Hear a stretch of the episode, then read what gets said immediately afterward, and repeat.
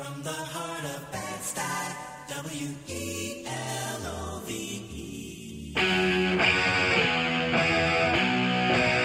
Korapilloak podcastaren lehen denboraldia amaitzen ari da.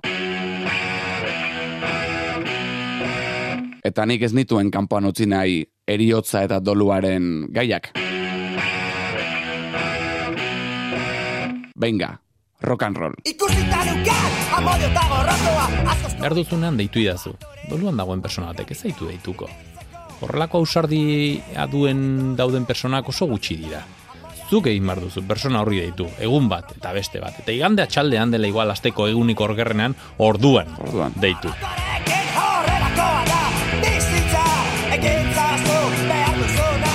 Korapilloak podcasta inigo antxorregirekin.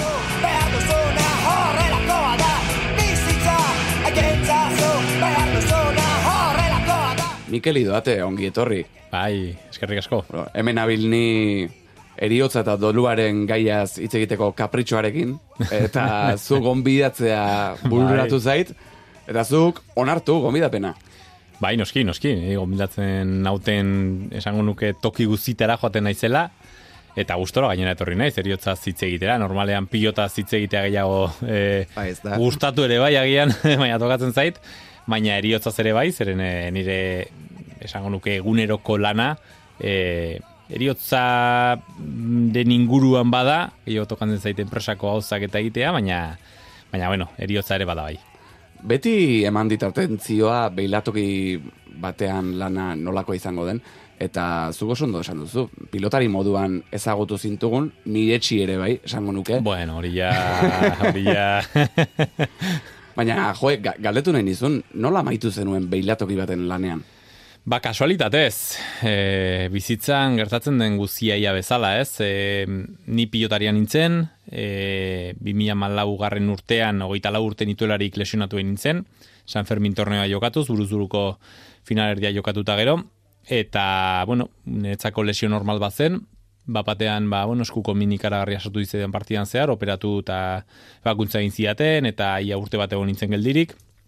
Azkenean ezin nintzen nintzen pilotan berriz, e, berriz jokatu, eta 2006 garren urtean ba, pilota utzi nuen. Ordurako, ba, justu karrera, unibertsitateko karrera bukatuan nuen, zuzenbidea, Eta egia da, mm, ba, banekiela gustatzen zitza dela asko enpresa mundua, ez? Eta nire burua ere ekitzailetzat dudala, eta zerbait egin nahi nuela. E, eskaintza batzuk izan nituen, lana beste enpresa batzutan egiteko, baita Madrilera joateko mundu finanzierora eta ta hola, bat gustatzen zitzaidan, baina gero Madrileko bizitza ikusi nuen eta zitzaidan batek gustatzen. Eta ezagutzen nuen Mikel Legarra, Mikel Legarra nire bazkidea eta laguna ere bada, e, bera funeraria munduan ibilitakoa izan zen, hor e, bi urte zeraman funeraria batetik e, jada kanpo, berak, e, ba, bueno, hor sekulako espansio egin zuena, eta oso gainera jarrera berritzailearekin. Eta nire pixkat proiektuak komentatu nizkion, berak eh, esan zidan, ba, ba bueno, bere, ba, berak bere, beru, bere buruan bazuela ere funeraria munduan agian zerbait egitea, zergatik ez genuen elkarrekin egiten, gauza berritzaileren bat egin altzelako Nafarroan, bai enpresa ulertzeko moduan eta baita zerbitzu funerario ulertzeko moduan ere bai, eta behin hitz egin da, ba, gustatu zitzaidan lokera hori. Niri, bueno, esan dizut, atentzioa ematen didala beti, e, zure lanbideak, kasu honetan, ze noski, eriotza eta dolua mm, nik behintzat beti izan ditut presente, ba, gertuko norbait hildenean, edo data seinalatuetan, ez da, gabonak, domisantu eguna, baina zuek egunero duzu presente, beraz, nolakoa da zuen egunerokotasuna? Bai, hori nik norbaitet, e, norbaitek orain enpresa berri bat sortu badu, esango dioan lehenengo gozea izango zen, irureun da irurogeita bost egun, ogeita lau ordutan lan egiten ez duen enpresa bat sortzea. Sekulako buru ustea delako, ez? Eta psikologikoki ere prestego beharko zara. E, psikologikoki prestegon barzara, edozein momentutan gainera eman behar duzu zerbitzua eta desente azkar gainera, eta gero ere bai, ba, lana gurean urtean erregularra da, hau da, hildako kopurua gutxi gora bera urtero berdina da, poblazioaren euneko bata, 0,zortzi euneko bata, eta baina e, egunero e, bade oso irregularra da. Eta astero eta jabetero ere bai, ez? Orduan prestatu izan bar, du, izan bar duzu ekipoa, taldea eta infrastruktura eta dena antolatua edo zein momentutan zerbitzu e, sei zerbitzu egiteko edo agian hiru egunetan zerbitzu bat bera ere ez egiteko. Orduan hori da, ba, ba bueno, gauza zailenetariko bat eta gero dago alde emozionala. Zerekin lan egiten duzun jakin behar duzu, hau ez da lanbide bat, baizik eta lan bat, baizik eta ofizio bat da, eta jakin behar duzu oso ongi, ba bueno, e, emozioekin lan egiten duzula, pertsonekin ere bai, bakoitza gainera ulertzen duela biriotza modu batean, eta horretarako ba, taldea oso ongi prestatu da izan behar duzu, eta zuk zure burua ere bai. Beraz, begira, urrengo galdera hori hori zen em, ze behar du pertsona batek e, horrelako lan batean jarduteko. Baina pista oso onak eman dituzula esango nuke. Bai, batetik empatia, oso garrantzitsua da, e, bestearen tokia jartzea, e, bestetik hurbiltasuna, hauza gauzak e, modu hurbiletik esatea, eta aldi berean e, bestearen eremuan esartzea, vale? errespetatu behar delako, hirugarren hori da, errespetua, hildakoarekiko eta hildakoaren senide, familiar edo lagunekiko, vale? hor daudenekiko, bakoitzak eriotza modu batera bizi duelako, eta hori errespetatu behar da, beti, eta laugarrenik esango nuke gustatu behar zaizula lan dinamikoa egitea. Egur egun guztiak desberdinak dira, martxa gustatu behar zaizu, momentu batzutan jakin behar duzu, ba, bueno, gaur agian bi ordu bakarrik besterik ez dut lanik egin, o gaur lasai gaude, eta beste egun batzuk luzeagoak dira, ba, ezagitzen bat e, zerbitzu dituzulako, eta hemendik araian behar duzulako. Dinamikoa da, mainaldi berean oso aberasgarria. Kanpotik begiratuta behintzat, e, askotan hileta egunari bakarrik erreparatzen diogu, baina noski, hor bai aurretik eta bai ondoren, lan asko egongo da hor, ezta? Bai, bai, gurean, bai, gurean pentsa ezagun hile bat batera, bueno, normalean, e, bori, persona bat iten denetik e, lurperatzen duzun arte, errosten duzun arte, berrogeita sortzi hortu duzu gehienez. Legeak dio, hori baino gehiago marra duzu, ja beste tratamendu bat egin mar diozu gorputzari. Normale, hileta ia guziak, ba, horrelakoak, horrelakoak dira, ez? Orduan hau da, denbora dutxi dau- daukagu dena prestatzeko. Eta erabaki asko hartu beharrak. Hori ongi transmititzen jakin behar da familiari, ez da gobiatzeko eta gainera familiak izateko sentsazioa, berak nahi zuten zerbitzua egin dutela, naiz eta askotan ez jakin zer nahi duten. Orduan hori da beti funerario on baten lana, aukerak ematea. Errespetu osoz, ere derrigortuak ez izateko, ez egoteko nahi dutena ez du ez dutena nahi egitera. Eta gero, e, ba bai, zerbitzua, mm, ba bueno, zein eustetxean nik uste dut ja da, izarra danatorian noski hasieratik ja integrala da, ez? Gure lana ez da bakarrik hildako hartu eta hilerrira eramatea urrengo gunean. Bai. Baizik eta beste mom, ordu horietan zerbitzu askoz gehiago sartu ditugu digitalak eta bar, baina geroko zerbitzu batzuk badaude, hau da dokumentazioen kudeaketa, doluan laguntza eta guziri, eta orain saiatzen nahi gara guzti hori ere lehenagora e, eramaten. Hau da, jendeak prestatzeko bere eri, bere agurra, nahi duen bezala, hil baino urte batzuk lehenago. Helburu nagusietako bat zein izaten da? Joan denaren borondatea alden neurrian behintzat betetzea? E, hori politxe izango litzateke. Jakitea, borondatea zein den. Baina tamalez, uste du gero eta gehiago, baina tamalez, lehen edo askotan, ukaso askotan, ez da hori gertatzen. Eriotzaz deitze egiten, Ja. Norbaitek bere tirotzaz hitz egin nahi duenean, normalean be, esaten diogu, ba, ez hitz egin horretaz horrek zorte txarra ematen du, tabar, tabar, olako tontakeri asko. Eta orduan, askotan, gu familia asko ditugu, ba, ez dakit, tela zin zen hil, hilakoaren borondatea. Bai. Garrantzitsuena da bakoitzak nahi duen bezala e, alizatea. Eta hori da gure lana. E, bide desberdinetatik hori e, ba, bueno, e, hori lortzea. Bakoitzak nahi duen bezala, bai hildakoa eta baita bere senideak ere familia guztitan, abiez, e, religiori lotuak ideia desberdinak egon daitezke, eta batzuk erraustu nahi dute, beste batzuk lurperatu, batzuk eskelan dute, besteek ez, orduan guzti hori e, ongi antolatzea denak e, pozik geratzeko. Esan duzunagatik, badirudi eriotzaren gaia or- oraindik tabua dela gaur egun, baina hasi gara pixkat apurtzen hori? Bai, a ber, oraindik tabua da, eta pentsatzen dut tabua izaten jarraituko duela. Iruditzen zait baietz, pixka eta apurtzen hasi garela, baina oraindik bide luzea daukagula horretza, horretarako, ez? E, tabua apurtzeko behar den gauzari garrantzitsuna hitz egitea da. Eriotzaz hitz egitea. Zure eriotzaz, gertatu zaizun erio, eriotzaz ero galeretaz, eta bakoitzaren sentimenduetaz. Eta horretarako, ba, egia da, ere bai egunero ezin garela horretaz mintzatzen egon, baina momentuak eta uneak badaudela. Eta hitz egiteak e, ba, ongi, da, ongi, ongi egiten duela, ez? Baina oraindik e, tabua bai, tabua da bai. Ezakit e, aurrera egin dugu, nik uste dut pandemiaren gatik, bai, ez aurrera egin dugula, zeren eta aurren urbil ikusi dugu, azkenean denok eh, uste dut pentsatu dugula, hau edo zein egunetan alda daiteke, eta bizitza probestu beharra daukagu, ez? Eta horrek lagundu dugula pixkat eriotza urbilago ikustera, baina oraindik ere, eta Euskal Herrian zari gara, baina Espainiara bazoaz, pff, e, o, sekulakoak ikusten dira, guk e, gure beilatokiak askotan, e, ba bueno, nahi, u, eriotza urbildu nahi dugunez, zerbitzu bezala ere bai, ni nahi du nire sedin nideak bizi izan diren tokian agurtzea. Hau da, nik ez dut nahi nire, nire ama hiltzen denean poligono batera joan, ez dakitze Frambi fabriken ondoan, eta kafea hartuta gero ga, kanporateratzen naizenean horri ikustea bost kamioi. Ez nahi dut nire herrian, nire auzoan agurtzea. Nire senidekin, nire lagunekin. Eta horretarako guk egite ditugu, ba bueno, edifizioen behan, hor lokaletan egite ditugu tanatorioak.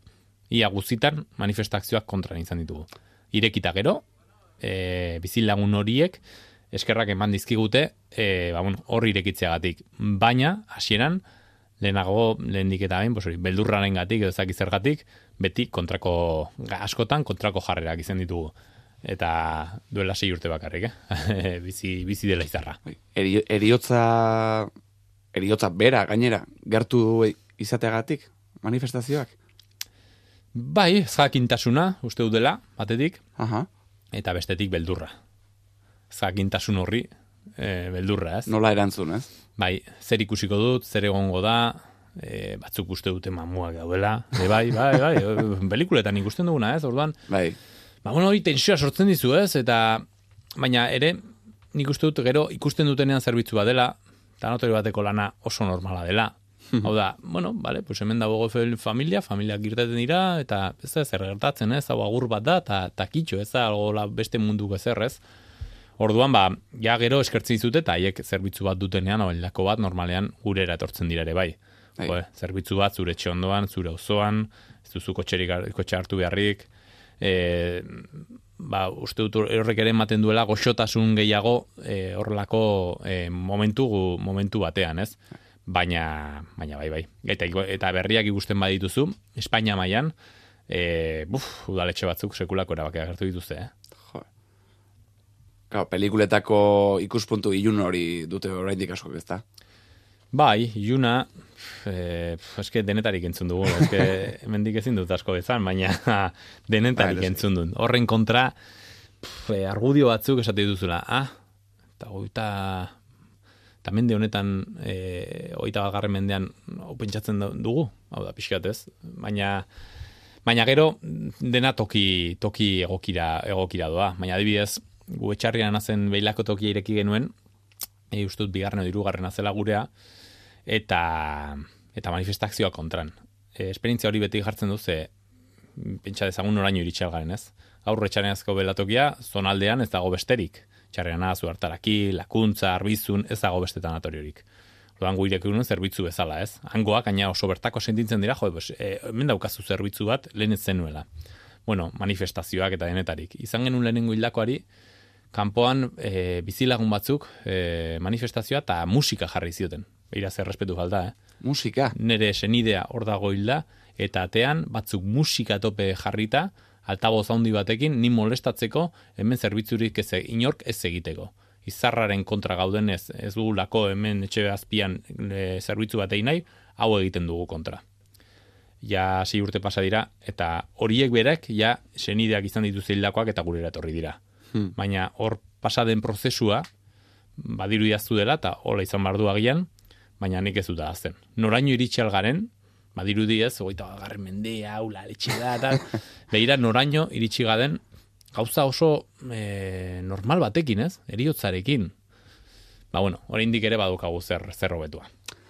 Bai, eta hau iritzi bi pertsonala da baita ere, ze lehen pertsonan ez zait tokatu bizitzea, baina adibidez pandemia garaian, eta pandemia ere aipatu duzu, em, nik oso geizki pasatu nuen, em, ze gertuko bati tokatu zitzaion, ba, aita hil, eta tanatorian pertsona batek bakarrik sartu ahal izatea, eta gainera sartu eta gero berrogei aldia pasatu beharra. Bai. Bere etxean bakar bakarrik logelan, eta hilerrian ere jende kopurua mugatzea. Bai. Hau da, batzuei, batzuei ukatzea agur hori. Zuk nola bizi izan zenuen hori, ze nik uste, eta kanpotik esaten dut, eh? kanpotik ikusita, duintasun desente kendu zitzaiola azken agurrari. E, Erabatekoa, erabatekoa. Nik impotentzia ikaragarriarekin bizi izan nuen.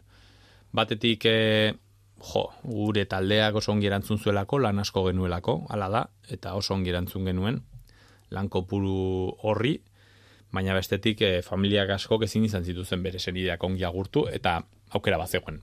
Hau da, gian Madrilen, Bartzelona ezakitiri handitan horrelako neurri oso gor bat hartu altzen, baina uste dut tokian tokikoko kudeaketak e, hori seguraski saiestuko zuela, ez? Zeren eta, beno, ez du, praktikara eramaten, ez? Edo zein herritan adidez, ez da egit, arbizu edo lizarra edo aio arroniz, berdin zait, hor tanatoriak ditugu. Osea, persona bat hiltzen zen, e, hildako kopurua zen igo, persona bat hil, eta bidez lau, bos, sei, seme alaba. Edo berriz, lagunak edo senideak ere bai. Hil, eta ezin zarete guk esan bar genien, bueno, legeak dio hiru persona bakarri joan aldirela hilerrira. Eta nola hiru, eta, eta nea ezin da joan? Baina persona gara, o zer gara, ez? Orduan impotentzia ikaragarriarekin. Bigarrenik, tanatoriak itxi zituzten. Eta persona askok, ba, bentsa dezagun, bere senidea galtzen zutela, eta ja ezin zutela berriro ere ikusi edo agurtu. Orduan bai, momentu zaiak izan ziren, eta duintasun puntu bat kendu zitzaion. Zergatik ere bai, ba nik uste dut momentua ere oso larria zelako, eta horrelakoetan ere erabakiak hartu behar dira, nik hori uler dezaket, baina egia ere bai, ba, instituzioi begira bos askotan eriotza dela azkeneko, azkeneko muturra, ez? Un gutxien kaso egiten dioten gauzari askotan hori da, ez? Beste sektore garrantzitsuago batzuk daudelako, komila tartean. Eta orduan, ba, bueno, guk ere pues, egin algenuena egin genuen, zerbitzu batzuk aldatuz eta duintasun puntu bat emanez, e, eta alde eta hauekin egiten saiatu ginen, eta esker, jendeak eskertu zigun. Baina bai, momentu, buf, ez dakit, oso deserosoak eta itxusiak izan ziren. Bai, pentsa, pentsa dezaket, bai. Begira, zure webgunean aritu naiz begira, e, kuriositatea, ez dut, ez dut ezer behar oraintxe bertan, norbait kezkatzen bada, o entzuten duenean. Beharko, Bai. beharko duzu. Eta beharko dut egunen batean, noski. Baina orain honetan kuriositate, kuriositateagatik. Eta zerbitzuen artean ikusi dut, eta atentzioa eman dit, hilerri digitalak. Bai, Hori, zer da zehazki, eta nola, nola bururatu zitzaizuen hori? Konta idazu? A ber, bururatu e, pf, izarra ginenean gauza bat argi genuen, ez? Librak izan nahi genuela, ez gonena multinazionala handi baten menpegon, beste esango nuke ja, enpresa guztiak gauden bezala, independienteak izan nahi genuela, eta bigarrenik berritzaileak ere bai. Orduan gu, jo, kotxe zuriak hori bal funerare batean orain normalagoak dira, gu hasi ginenean inork ez zuen, eta gu hasi ginen kotxe zuriekin. Tanatorioak ere marmolez josita zeuden, eta guk e, espazio ilun horiek kendu genituen, den argi naturala, koloretsuak, hola, zuriak, ezagite, espazioa, hori nahi genuen bultzatu eta beste gauza askoz gehiago. Aldi berean, e, zerbitzu digital batzuk ba genituen. Hau da, e, sala bakoitzean, pantalla handi bat dago, eta pantalla horrentan daukagu, e, familiak eskela nahi badu eskela, e, jendeak bidaltzen duen, web horretik bidaltzen dituen doluminak, eta gero, e, zure musika, zure nabigatzailea, eta gero zure argazkiak eta bideoak nahi baituzu jarri dituzu. Eta horrek arrakasta handia du, zerbitzutan, argazkiak jartzea, adibidez. Oso Bai. polita geratzen da. Eta Eta bueno, ikusten genuen, ba, bueno, hilerrien aldi berean, hilerrien funtzio aldatzen ari zelako, gero eta gehiarro errausten ari zelako, orduan errautsekin jendeak egiten du nahi duena, zorionez, e, arbola bat landatu mendian, etxean gorde, bakoitza nahi duena, eta espazio horretara joaten zela, persona hori, persona horrekin egotera. Ez? Gogoratzera, egotera, hitz egitera, nahi duzunera. Orduan esaten guen, zergatik ez ditugu uztartzen bi alderdi hauek eta sortzen dugu hilerri digital bat. Hau da, zu persona horrekin egon alko zaren, modu filosofiko batean, eh? emozional batean, egon alko zaren e, toki bat, Vale? Adibidez, nik e, persona, hilden persona bati zerbait esan nahi badiot, normalean jende asko egiten du ez, zerbait idatzi eta erre. Bueno, hmm. bagian internet bidez, izar hor liderri digital horretan, persona hori dagoenez, bidaliko diot mezu pribatu bat. Esan nahi nion esango diot. Eta bigarrenik, e, ba, bueno, hor doluminak, argaziak eta guzi hori dauden espazio digital hori, guk, claro, zerbitzua egiten dugunean ja ezabatzen dugu. Ba hori mantentzea denboran zehar. Vale. Eta horretarako sortu guen izardi, hilerri digitala deitzen dena, izardi.com, eta eta hor ba, funtzio desberdinak daude. Batetik informazioa, hau da personari noiz jaio zen, on hil zen, on dago lorperatua edo raustua, eta bigarrenik daukazu aukera persona horrekin, hau da, hildako horrekin interaktuatzeko adibidez taldean. Hau da, nik lagunekin, lago kuadriako bat hil bada, lagunekin egingo dut taldetxo bat, eta han partekatuko ditugu gure, gure kuadriako argazkiak. Pribatua da, gurea, baina han daukagu eremu, eremu bat. WhatsApp talde bat egin ordez, badaukazu beste eremu, ba, bereziago bat, eta gainera beste funtzio e, zehatzago batzuekin.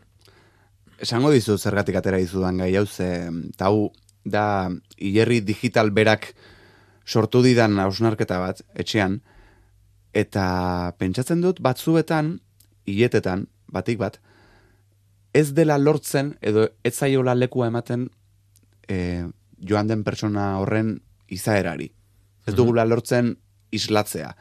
E, inoren kontra hitz egin gabe, noski, eh? Ez dakit partekatzen duzun iritzia honerekin. Zagit, zaila da, zaila da.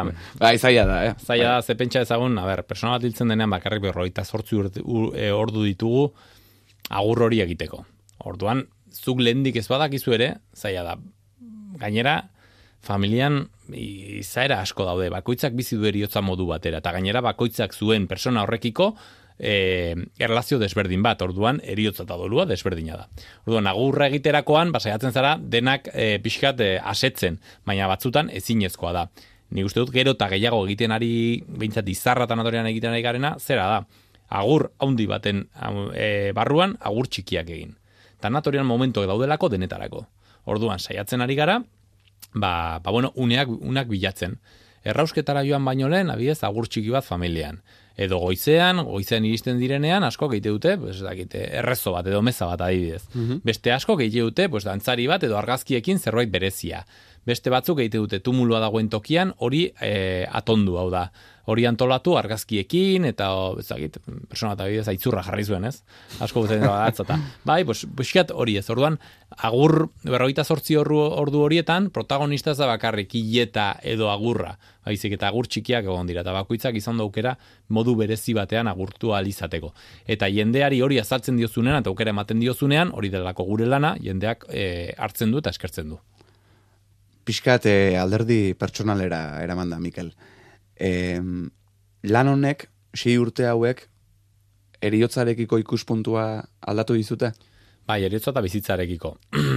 bizitzarekiko, e, pff, azkenean e, ekintzen duz, e, hori, pre, e, proiektu bat ekintzen duzunean, e, enpresa munduan ari zarenean, asko ikasten duzu.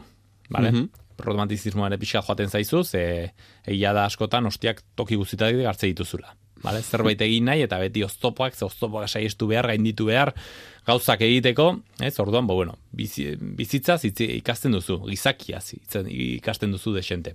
Eta eriotzaz noski. Bai, zeren eta azkenean egunerokoan hor zaude, eta nik uste dute humanoago bihurtzen zaituela. Humanoago. Hau da, pff, jendea gehiago ulertzen, beste realitate batzuk ere ikusten, beste pf, e, zure egunero zure kolleja partikularra badaukazu, egunerokoa gehiago baloratzen duzu, ni behintzat. Eta, eta ni oso razionala naiz, oso alemana, eta honekin nik uste bihurtu nahuela pixkat emozionalago. Hau da, nire ondokoak gehiago zaintzen, gehiago zagit ez, beldur batzuk ere mm, gainetik entzen, zagit, humanoago egin nau e, guzionek. Zein da dolu prozesuan dagoen pertsona bati laguntzeko modurik onena? Eh, a ber, nire ez naiz hola, jakituna honetan, baina egia da guk formazioa jaso dugula, jasotzen dugula, ez, ba, ez nik bakarri, baiz eta izarran gauden e, taldekide guztiak, e, jasotzen dugu horrelako formazioa. Orduan nik e, hartu dudana, hola pixkat e, titular bezala, izango litzateke batetik errespetua, hau da, persona bakoitzak e, eriotza dolua bizi du modu batera, bigarrenik, persona horri laguntzeko behar dena da, askotan guk aurrera pausoak ematea. Hau da, ez, eh, behar duzunean deitu idazu. Boluan dagoen persona batek ez zaitu deituko. Horrelako ausardia duen dauden personak oso gutxi dira. Zuk egin behar duzu, persona horri deitu, egun bat eta beste bat. Eta igande atxaldean dela igual asteko egunik orgerrenean, orduan, Orduan. deitu. Deitu jozu, aizu, guazen paseo bat ematera, aizu, guazen kafe bat hartzera, aizu, guazen, ezagit, gimnasiora, aizu, guazen telebista ikustera edo nahi duzuna egitera, ez? Eta egun batzutan persona horrek hitz egin nahiko du, eta beste batzutan ez. Eta zuk hori ulertu behar duzu. Eta hori, errespeta du. Hor egon. egotea bakarrik. Eta askotan ez da hitz egin behar ere, baizik eta besteak sentitu behar duzu hor zaudela, berarekin. Eta lagun bat baduzu edo familiar bat baduzu estimatzen duzuena, eta prozesu horretan dagoena, hori egin. Gero dolu gogorragoak ere badaude. Horrelakoetan, bedi bete esaten du, psikologo batera joatea ezinbestekoa dela. Ezinbestekoa, naiz eta konsulta bat, baina behintzat persona horrek eh, azaltzea, psikologa azaltzea, zer emozio eta ze e, fase edo biziko dituzun e, denbora batean, bale? Hau da, egun batean goizean pozik egotea eta txaldean negarrez egotea normala da. Ez izan errurik, normala da.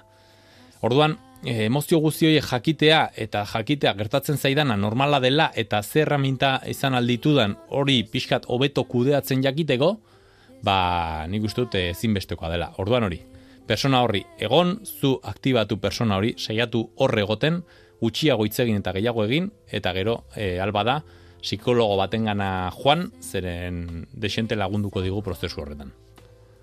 Normalean elkarrizketa maitzeko beti hausnarketa bat eskatzen dut. Agian zuri beste era batera es, eskatuko dizut, ze uste dut gustatuko zaizula galdera. Zein izango litzateke zure epitafioa? Ona da, ona da, ez dakit. Eske ni horrelako gauzetan ez naiz asko sartzen. Baina eh, izan daiteke eskerrik asko eta ikusi arte. Baina e, Xabir Euskitzek egun ba, ustuta, azkeneko urte betetzean esan zian esaldi bat, esan, jo, kabroia horretan ona da. eta esan zian, bizitza zukutu. Eta esan, jo, pues, bitz, baina Bitu? Gainera, erderaz igual ez du, ez? Ez da, hor, ez da horren sakona. Edo horren po- politxa, edo horren goxoa. Ez du horren beste du indarrik, ez? Bai, ez? Baina euskeraz bizitza zukutu. Eta esan nun, pues bai, beira, hori da nere, hori izango nitzateke nere epitafioa, ez hiltzen naizenan, baizik eta bizirik nagoenean. Ba, Mikel Idoate, eskerrik asko tortzegatik, eta bizitza zukutu. Hori da. Ondo izan. Zukutu, Venga, jo, eskerrik asko. Nik ez dut epitafio hori pentsatuta, baina gai honekin beti datorkit burura Snoopyren bineta bat. Honela zion, Charlie Brownek. Snoopy, egun batean hil egingo gara. Eta Snoopyk erantzun zion. Bai, egun batean hil egingo gara. Baina beste egun guztietan ez.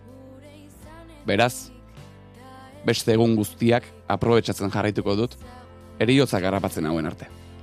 Horren arte, entzule.